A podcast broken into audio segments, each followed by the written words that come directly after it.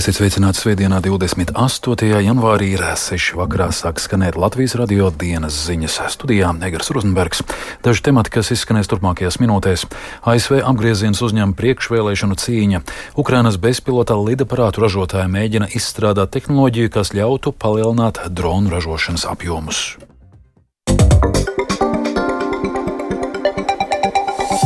Amerikas Savienotajās valstīs apgriezienus sāk uzņemt priekšvēlēšanu cīņa pirms novembrī gaidāmajām ASV prezidenta vēlēšanām. Gan demokrātu, gan republikāņu partijās ir vairāki kandidāti, kas vēlas pacīnīties par Baltā namas saimnieka krēslu. Tomēr prognozēja, ka galvenie pretendenti uz prezidenta amatu, tāpat kā pirms četriem gadiem, būs pašreizējais valsts prezidents demokrāts Joe Bidenis un bijušais ASV prezidents republikānis Donalds Trumps. Vairāk stāsta Rustams Šukurovs. ASV pilnā sparā rit priekšvēlēšanas, kurās demokrātu un republikāņu partiju biedri balso par sev tīkamāko prezidenta amata kandidātu. Demokrātu partijā uz iespēju piedalīties prezidenta vēlēšanās pretendē pašreizējais ASV prezidents Joe Bidenis, rakstniece Marianna Viljamsone un ASV kongresa pārstāvju palātas loceklis Dīns Philips. Eksperti gan nešaubās, ka Demokrātu partija apstiprinās tagadējā Baltānama saimnieka Baidena kandidatūru uz ASV prezidenta amatu. Baidens jau šobrīd aktīvi iesaistās priekšvēlēšanu cīņā pret eksprezidentu republikāni Donaldu Trumpu. ASV prezidents vakar atrodoties Dienvidkarolīnas štatā, kur viņam ir liels atbalsts starp afroamerikāņiem, kas ir būtiska demokrātu elektorāta daļa štatā, apsūdzējis Trumpu nievājošā attieksmē pret kritušajiem ASV bruņoto spēku karavīriem. Donald Trump, when he was commander in chief, Donalds Trumps, laikā, kad viņš bija virspavēlnieks, atteicās apmeklēt kritušo amerikāņu karavīru kapus, kas atrodas kapsētā ārpus Parīzes, un viņš nosauca mūsu varoņus, un es citēju, par neveiksminiekiem. Viņš tiešām to teica, viņš to teica. Kā viņš uzdrošinājās to teikt, es viņus saucu par patriotiem un varoņiem. Vienīgais neveiksminieks, ko es redzu, ir Donalds Trumps. Situācija ar republikāņu kandidātiem arī dzen kļuvusi skaidrāka. Politikas analītiķi ilgu laiku uzskatīja, ka Floridas gubernators Rons DeSantis varētu kļūt par partijas izvirzāmo kandidātu ASV prezidenta vēlēšanās, taču pagājušajā svētdienā viņš izstājās no cīņas par nomināciju. Viņš pēc tam aicināja savus atbalstītājus priekšvēlēšanās balsot par bijušo prezidentu Donaldu Trumpu. Pēc Desantisa izstāšanās bijusī ASV vēstniece ANO Nikija Heilija ir palikusi vienīgā alternatīva Trumpam republikāņu priekšvēlēšanās.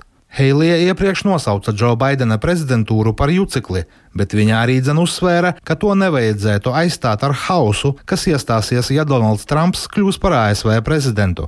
Pats Trumps sev raksturīgā manierē atvairīja sāncenses pārmetumus, norādot, ka Heiliju atbalsta nesamērīgi mazāk republikāņu. Šonadēļ Trumps pārspēja Heiliju Ņūhempšīras štatā rīkotajās Republikāņu partijas priekšvēlēšanās. 24. februārī priekšvēlēšanas sasniegs Dienvidkarolīnu, kas ir Heilijas dzimtais štats.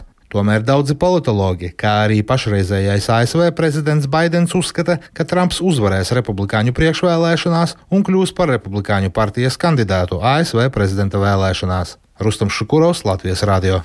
Krievijas pārorientēšanās uz kara ekonomiku ar laiku varētu sniegt materiāli tehniskas priekšrocības karā pret Ukrainu, ja rietumi nespēs kāpināt savas ieroču ražošanas jaudas.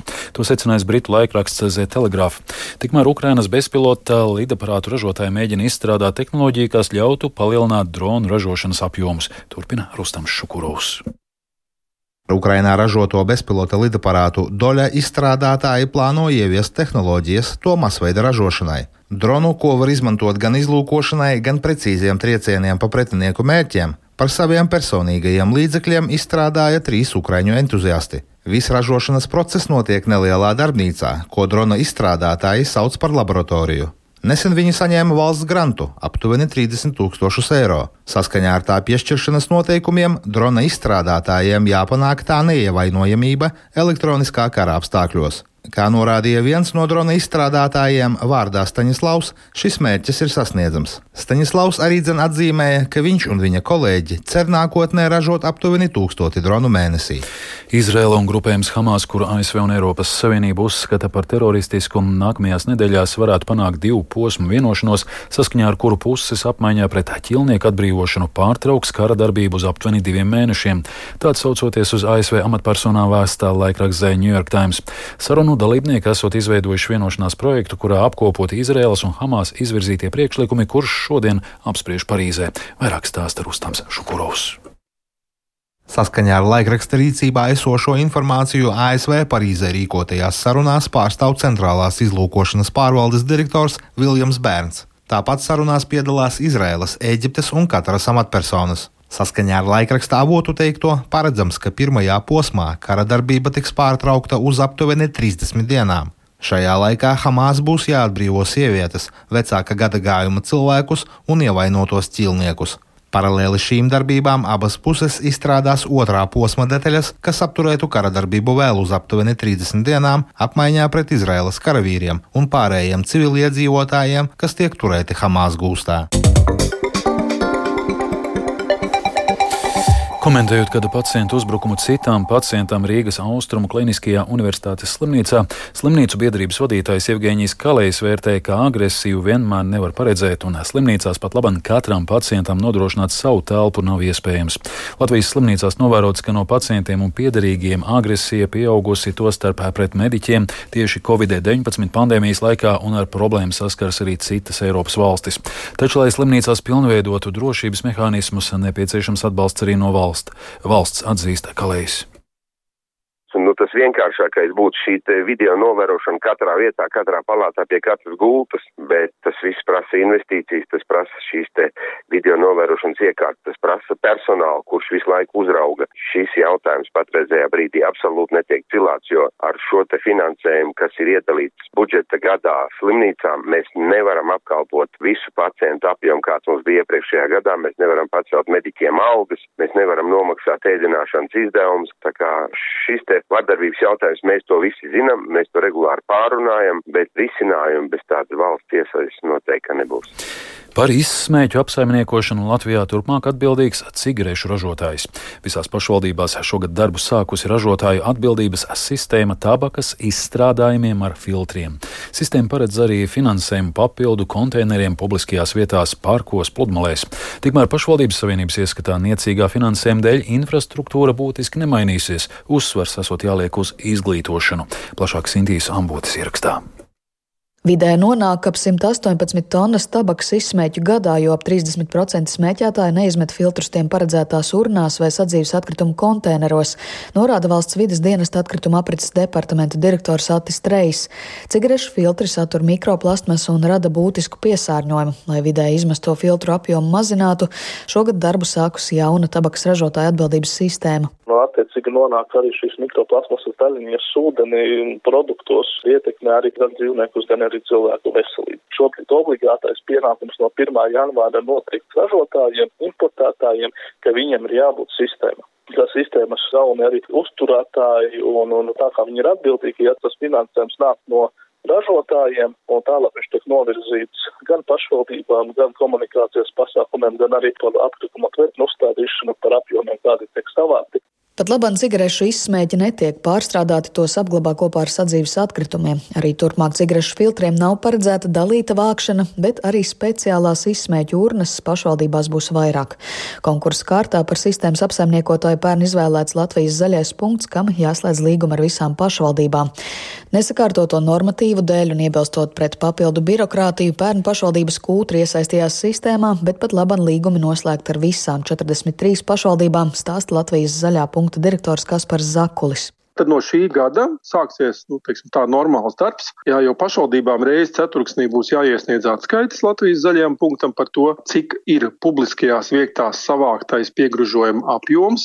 Mums šie dati būs jāapkopo. Nu, tad, attiecīgi, pašvaldības arī katru ceturksnī saņems to aprēķināto naudas summu no tabaks industrijas, kas ir paredzēta šo te tabaks, sauksim viņus par izsmēķiem, savākšanai un nogādēji uz atkritumu poligoniem. Jā, šogad tiks likt papildus konteineru konteineri, lai pašvaldības var pie sevis uzstādīt. Šogad mēs esam plānojuši iegādāties 172 urnas. Nu, protams, es piekrītu, kā pašvaldības teica, ka tas finansējums ir nepietiekams. Līdz ar to pašvaldības savienības padomnieks lauka attīstības jautājumos sniedzas proģi vērtē, ka jaunajā sistēmā parkos un pludmalēs nebūs krietni vairāk cigarešu filtru urnu un uzsvers joprojām jāliek uz izglītošanu. Tā lielā ņemšanās neatbilst uh, tam, kāds ir rezultāts, jo rezultātā jau visu laiku sētnieki ir slaucījuši ielas un izmetuši tos izsmēķus konteineros.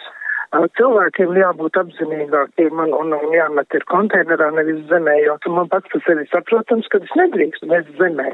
Bet ir cilvēki, kas iet un palaiž vējā, un mēs redzam arī braucot ar mašīnu. Izsmēķē, atver logu un izmet izsmēķi uz ielas. Un tur ir vaina infrastruktūrai, tur vaina ir cilvēka sūdzībā. Pirmais cigarešu ražotāju atbildības sistēmas pārskats plānots pēc pusgada, lai izvērtētu tirgu novietotos un savāktos izsmēķu apjomus un to, vai industrijas finansējums ir atbilstošs. Vienlaikus konkrēts savācamais cigarešu filtru apjoms nav noteikts, bet tiks veikti pētījumi, lai novērtētu, vai samazinās to smēķētāju skaits, kas filtrus nemet atkritumu urnās. Sinti Ambote, Latvijas radio. Ar lielisku vīriešu vienspēļu finālu Melnburnā noslēdzies Austrālijas atklātais tenisa čempionāts. Rīta agrumā dubultspēļu finālā zaudēja Aļona Ostapenko. Savukārt Vācijā noslēdzies pasaules čempionāts kamaniņu sportā. Plašāk par sportu stāsta Māris Bergs. Aļona Stapenko kopā ar savu ierasto pārnieci Ludmilu Kičēnaku agri no rīta Austrālijā Open dubultspēļu finālā ar 1-6-5-7 zaudēja Elīzē Mertensai un Sūvijai Šē. Neskatoties uz zaudējumu, Stapenko Kičēnukai fināls ir lielākais panākums karjerā dubultspēlēs. Aļona tagad atgriezīsies no Austrālijas un jau nākamnedēļ viņa spēlēs Līncas WTA turnīrā Austrijā. Tur viņa ir izsēta ar pirmo numuru un sacensības sāks no otrās kārtas. Pēcpusdienā vīriešu vienspēļu finālā saspringtā piecu sētu cīņā triumfēja Itālis Jānis Sinners, kurš finālā apspēlēja neitrālā statusā spēlējošo Krievu Danielu Medvedevu. Sinners ar pirmo mēģinājumu triumfējas Grand Slam finālā, turklāt Itālis prata lauz spēles gaitu, viņam atspēlējoties pēc zaudētiem pirmajiem diviem sētiem. Pasaules čempionātā kamariņu sportā sieviešu vienniekos Elīna Ieva Vītola divu braucienu summā izcīnīja ceturto vietu, Kendijai aparjodai sastāv vieta, bet Cigitai Bērziņai 14 pozīcija. Ceturtā latviešu braucēja Frančiska Bona pirmajā braucienā bija 30. vietā, un viņa nekvalificējās otrajam mēģinājumam. Komandu stafetē Latvijai trešā vieta. Viens no izlases treneriem Daniels Fogelis čempionātu kopumā vērtē kā izdevušos. Viennozīmīgi ar plusu zīmi, septiņas medaļas, super. Tur tas rezultāts ir fantastisks. Pirmā zelta medaļa pasaules čempionātos Latvijas komandai. Mīnus zīme nevar būt. Un otrs arī puišiem pa vakardienas startiem. Viņi gāja uz maksimumu, mēģināja braukt ļoti brīvi. Šoreiz vienkārši nesenāca. Pasaules kausa posmā bobslijā četrniekiem Lillehammeres trasē Norvēģijā Emīls Cipulis ar saviem stūmējiem ierindojās 5. vietā, savukārt Jēkaba kalendas ekipāža divu braucienu summā 11. Kārtējā dubultu uzvaru vāciešiem - ātrākais Frančisko Friedrichs, otrais Johannes Lohners. Nākamajā nedēļas nogalē bobslēs viesosies Siguldā, tur risinoties Eiropas čempionātam divniekos. Eiropas čempionātā Biatlonā jauktajā stafetē Latvijas izlase ierindojās 14. vietā. Latvijas sastāvā startēja Renārs Birkentāls, Edgars Mise, Sanita Buliņa un Anna Keita Sabule. Biatlonistiem tagad desmit dienas laika, lai veiktu pēdējos sagatavošanās darbus pirms sezonas galvenajām sacensībām pasaules čempionāta, kas šogad notiks Čehijā. Patricija Eidu, kas šodien Šveicē finišēja 22. vietā pasaules kausa posmā distanču slēpošanā, 20 km sacensībās brīvajā stilā ar kopēju startu. Pasaules labākie distanču slēpotāji tagad pārcelsies uz Atlantijas okeāna otru krastu, februārī aizvedot divus posmus Ziemeļamerikā. Nākamais starts 9. februārī Kanādas slēpošanas centrā Kenmorā. Nacionālajā hokeja līgā Teodora Bļūgera Vankūveras Kenaks šorīt trešajā periodā atspēlējās no 1-4 un papildu laikā ar 5-4 uzvarēja Elvi Merzlikinu un Kolumbusas Blūdžekets. Bļūgers 15 minūtēs palika bez punktiem, savukārt Blūdžekets vārtos Merzlikins atvairīja 28 no 33 Kenaks hokeistu metieniem.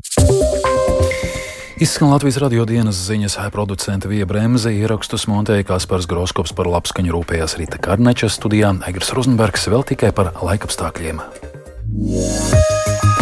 Galvaspilsētas centrā plus 3 grādi lēns dienvidu rietumu vējš. Sinoptiķi prognozē, ka tuvākajā diennaktī gaidāms lielākoties mākoņdienas laiks bez būtiskiem nokrišņiem. Vietām austrumos migla, mērens vējš, gaisa temperatūra mīnus 1,3 grādi. Rīt bez nokrišņiem mērens vējš, gaisa temperatūra plus 1,5 grādi. Arī Rīgā būs lielākoties mākoņdienas laiks bez nokrišņiem. Pūtīs mērens dienvidu, dienvidu rietumu vējš, gaisa temperatūra naktī plus 1,2 rītdienā plus 3,4 grādi laika prognoze otrā.